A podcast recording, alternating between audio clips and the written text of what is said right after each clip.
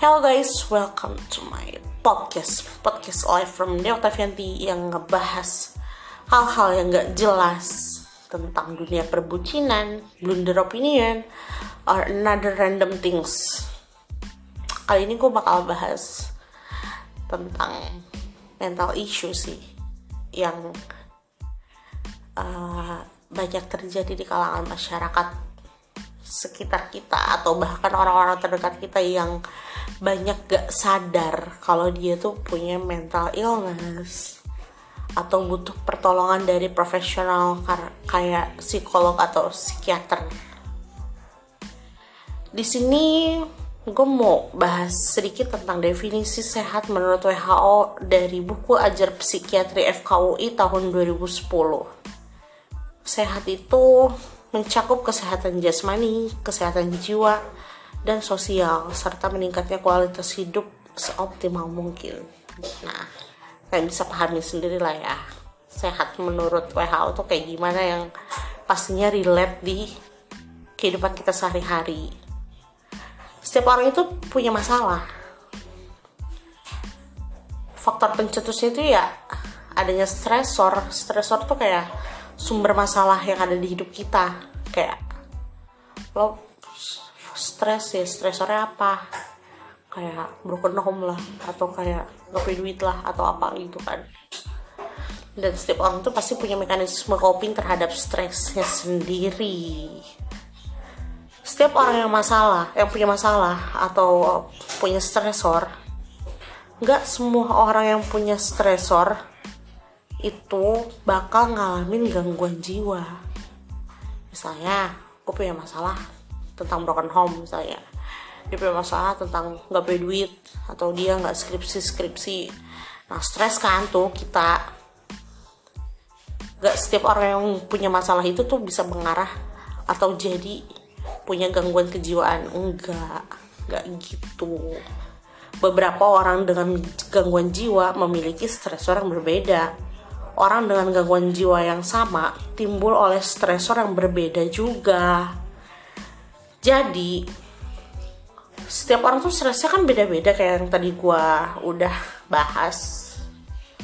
Orang yang dengan gangguan jiwa yang sama timbul oleh stres yang berbeda. Jadi kayak misalnya nih lo punya mental illness temen lo juga atau orang lain juga punya mental illness. Contohnya kayak gue gitu gue kan di diagnosis bipolar terus orang lain di diagnosis bipolar juga atau schizofren lah ya atau gangguan jiwa yang lainnya. Nah, dari berbagai diagnosis yang ditegakkan oleh psikiater ini, setiap orang itu kenapa bisa punya mental illness itu pasti punya sumber stres yang beda-beda. Jadi nggak melulu sama kayak gue stres karena broken home misalnya atau orang lain stres karena uh, duit dan lain sebagainya uh, stresor itu kan sumber masalah jadi gimana kita bisa ngelola stres kita tuh untuk ke arah yang lebih baik dan ada yang namanya mekanisme coping mekanisme coping sendiri itu adalah kayak respon pertahanan diri kita dari stres. Nah, jadi kalau misalnya kita nih pusing nih atau mumet nih, by the way sorry ya kalau agak noise di belakang. Ketika kita punya masalah, ketika kita punya beban dalam diri kita atau kayak sumber stres setiap orang itu secara natural punya yang namanya mekanisme coping atau mekanisme pertahanan diri kita terhadap stres. Jadi, mekanisme coping itu dibagi dua. Ada yang namanya adaptif dan maladaptif. Mungkin di sini teman-teman juga udah tahu ya, tanpa gue harus jelasin secara panjang lebar. Kalau mekanisme coping adaptif kita itu kayak kita bisa nyelesain masalah dan bisa ngurangin stresnya kita sendiri. Contohnya kalau kita punya masalah nih kalau kita punya masalah kita malah larinya ke ya udahlah olahraga aja. Atau ya udahlah relaksasi aja kayak healing holiday ke mana pun. Jalan-jalan main sama temen. Bersosialisasi sama orang-orang dan menyelesaikan masalahnya sendiri.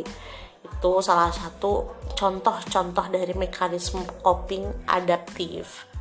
Dan ada juga nih mekanisme coping maladaptif yaitu perilaku yang merugikan kerugian terhadap dirinya sendiri jadi ketika kita punya masalah kita berperilaku malah jadi ngebuat diri kita tuh jadi rugi.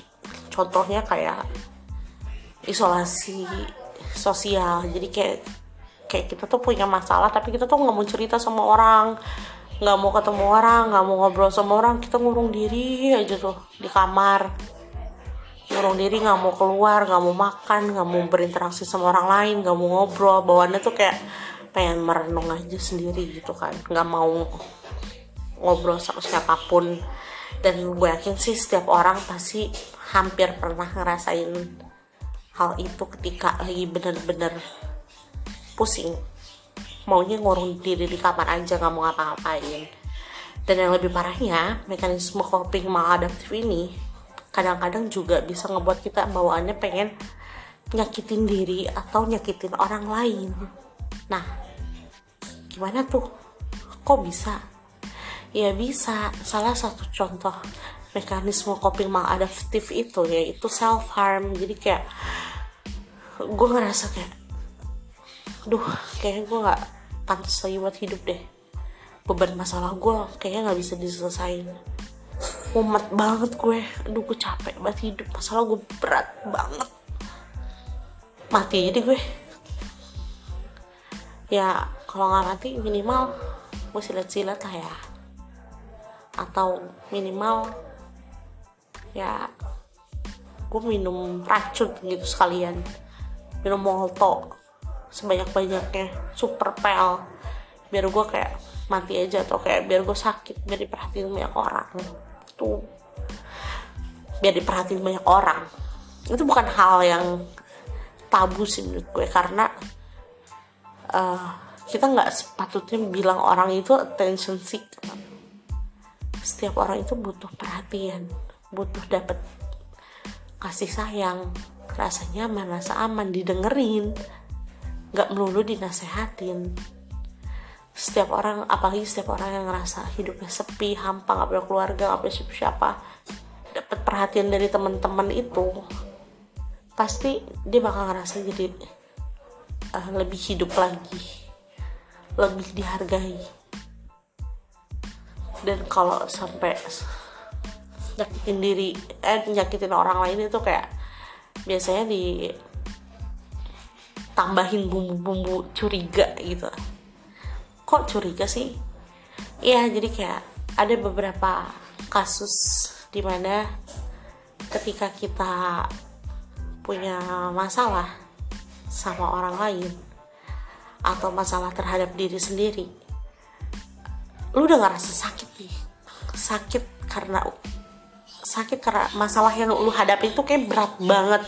Dan lu tuh kayak bawahnya pengen nyalain orang lain atau curiga sama orang lain kayak kayaknya orang ini bakal nyakitin gue deh.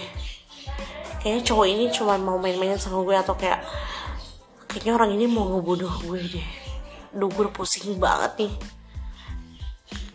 kayaknya sebelum dia ngebunuh gue gue harus bunuh dia duluan sih biar gue aman. Ada yang sampai kayak gitu. Nah setiap orang yang punya masalah kayak perceraian ditinggal mati dikasih sakit kayak kanker HIV dan lain-lain yang ngebuat dia ngerasa jadi sedih atau berduka itu punya beberapa fase ada yang namanya eh ada ada lima poin sih. Lima poin ketika kita ngerasa kehilangan atau berduka itu kayak setiap orang tuh pasti bakal ngerasa denial dulu. Yang pertama. Atau perasaan menyangkal.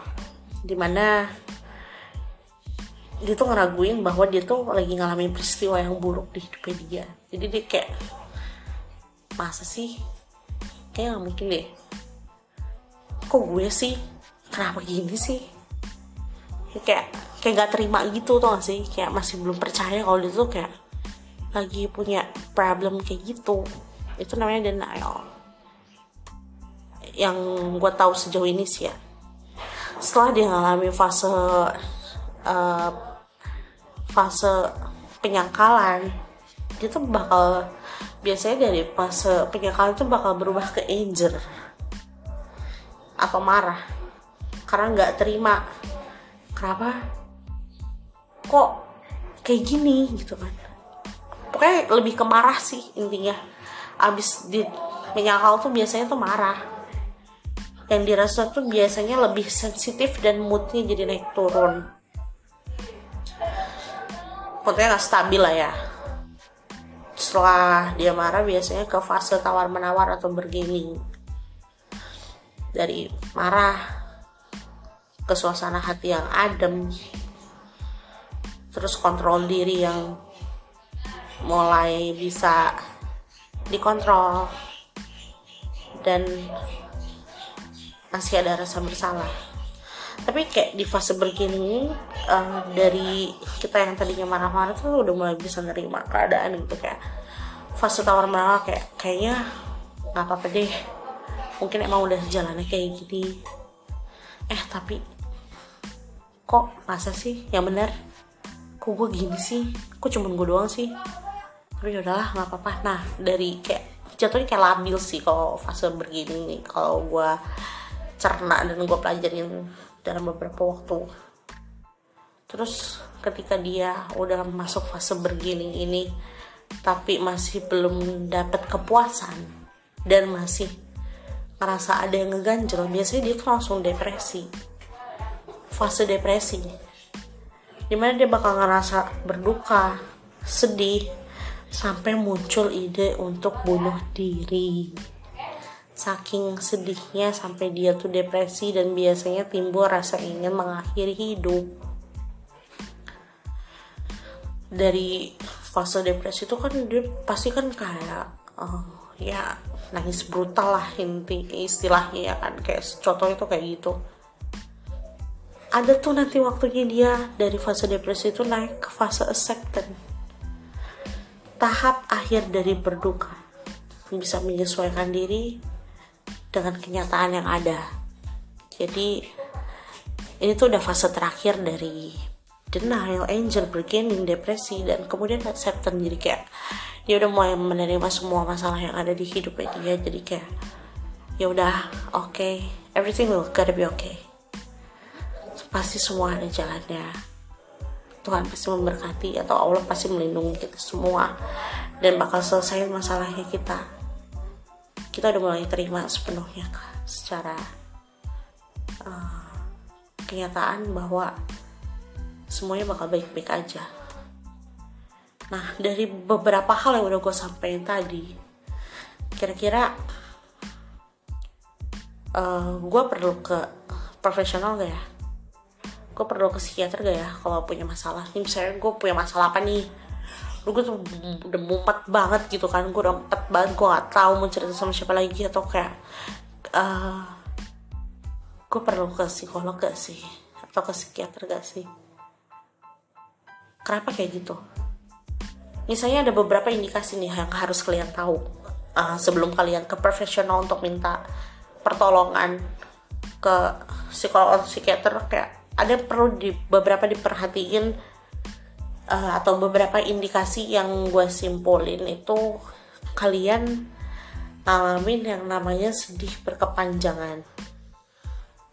Terus terusan sedih uh, jadi kayak nangis nggak mau keluar lah atau pokoknya bawanya sedih terus sedihnya tuh sampai deep banget kan itu satu kedua kalau adanya stres jangka panjang yang menyebabkan adanya penarikan diri atau isolasi sosial, makannya menurun, dan rasa sensitif.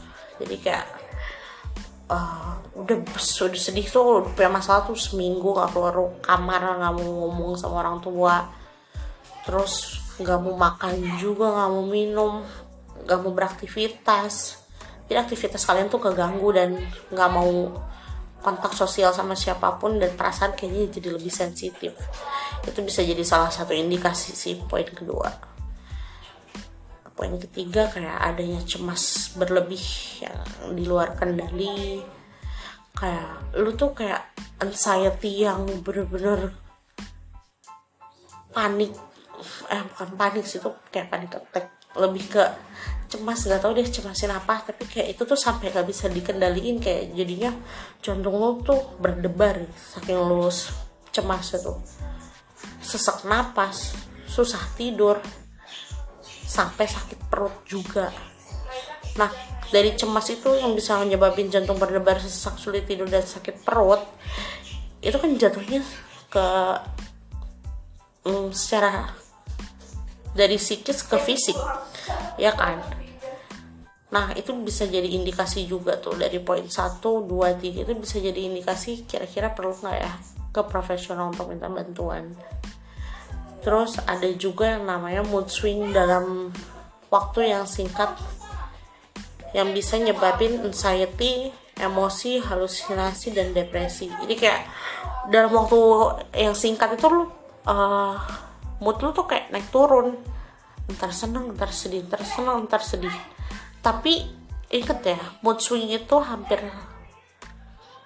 bukan bukan hampir, tapi kayak mood swing itu jadi kayak perubahan suasana hati yang tiba-tiba dalam waktu jangka yang singkat. Tapi bisa nyebabin kita jadi cemas juga sih.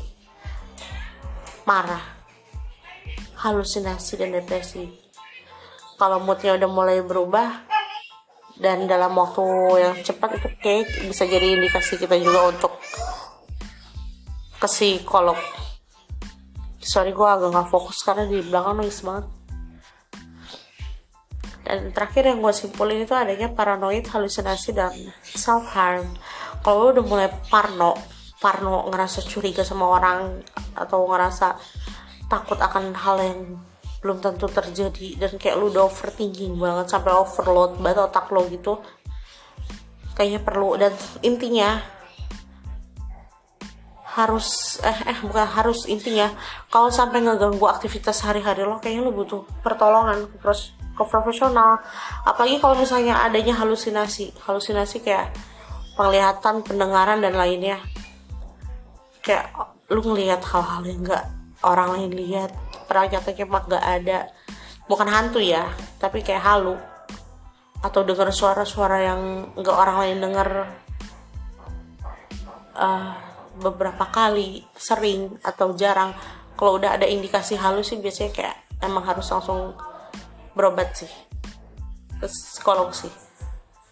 Dan poin yang tadi yang udah gue sampaikan tentang self harm itu kan yang menyakiti diri itu udah emang indikasi harus ke profesional. Dan satu lagi sebelum gue tutup jangan pernah self diagnose dari beberapa hal atau banyak hal yang udah gue sampaikan tadi sama kalian please jangan pernah mendiagnosis diri sendiri atau menerka-nerka kayaknya dari apa yang udah tadi dia sampaikan gue harus ke psikolog deh. Kayaknya gue kena mental illness deh. Makanya kayak gue tuh kadang bingung gitu kan. Uh, kenapa sih orang-orang yang gue tuh kan juga kadang suka bikin postingan edukasi tentang bipolar yang gue alamin kan. Maksudnya tuh gue bukan jadi attention seeker bukan. Karena dapat perhatian itu cuman bonus bagi gue kalau misalnya gue posting tentang um, mental issue gitu kan. Lebih ke uh, orang-orang kayak pengen nanya nih sama gue pakai BPJS gimana kalau umum gimana kira-kira berobatnya di mana harganya berapa itu gue kan tujuannya lebih ke situ sih lebih ke buat masyarakat jadi lebih aware tentang mental health mereka masing-masing. Udah gitu gue sangat menyayangkan banyak banget orang-orang yang self diagnose kayak aku kayaknya kayak kamu deh. Kayak aku sedih banget. Aku kayak harus ke psikiater deh. Aku nggak nyepelin sih enggak tapi come on. Manusia itu biopsikososio spiritual keempat elemen itu tuh harus benar-benar balance dan nggak melulu tentang uh, kesehatan mental. Tapi lihat dulu dari aspek psikologisnya dia psikologisnya kamu atau psikologisnya eh psikologisnya kamu atau biologisnya secara interaksi sosialnya gimana spiritualnya gimana? Udah balance atau belum? Tapi kalau misalnya udah sampai mengganggu aktivitas sehari-hari udah mau menyakiti diri atau menyakiti orang lain udah kepala udah kayak mau pecah sampai gak bisa ngapa-ngapain lagi sesak napas jantung berdebar peningkatan atau penurunan berat badan berlebih gangguan tidur selama berhari-hari atau kayak kurang tidur atau tidur berlebih kayak itu emang harus minta pertolongan. Tapi saran gue coba lakuin pendekatan terhadap orang tua dan keluarga sama lingkungan sekitar lu juga deh. Biar nggak langsung memutuskan. Karena gue pikir uh, gue aja capek tau minum obat terus terusan capek banget. Apalagi gue kan kayak sering putus obat gitu. Sekarang udah jalan tiga tahun gue minum obat. Itu benar-benar capek. Tapi kalau emang kalian benar-benar mau butuh pertolongan sama profesional it's okay. Kalian juga boleh nanya-nanya sedikit tentang uh, kira-kira harus gimana.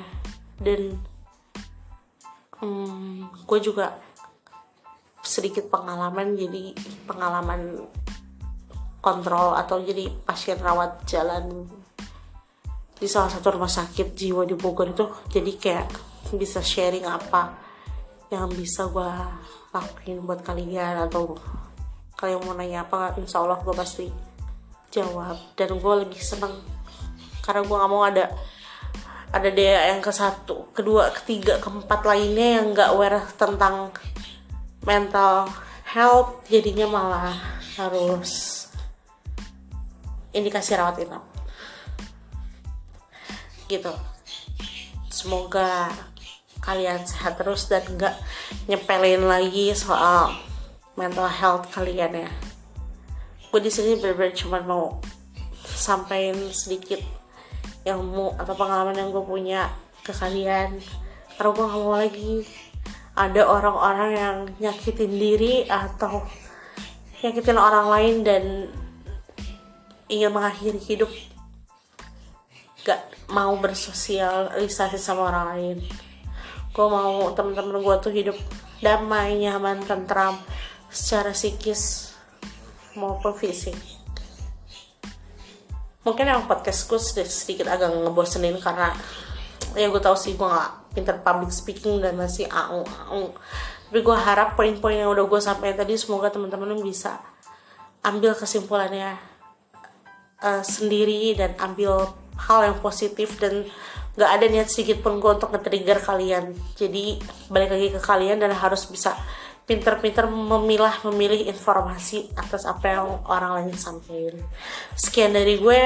Mohon maaf apabila ada kekurangan atau kekurangan lainnya dari penyampaian teorinya atau kayak penyampaian secara lisan yang bikin sakit telinga. Jadi kayak ya udah. Gue pamit ya assalamualaikum warahmatullahi wabarakatuh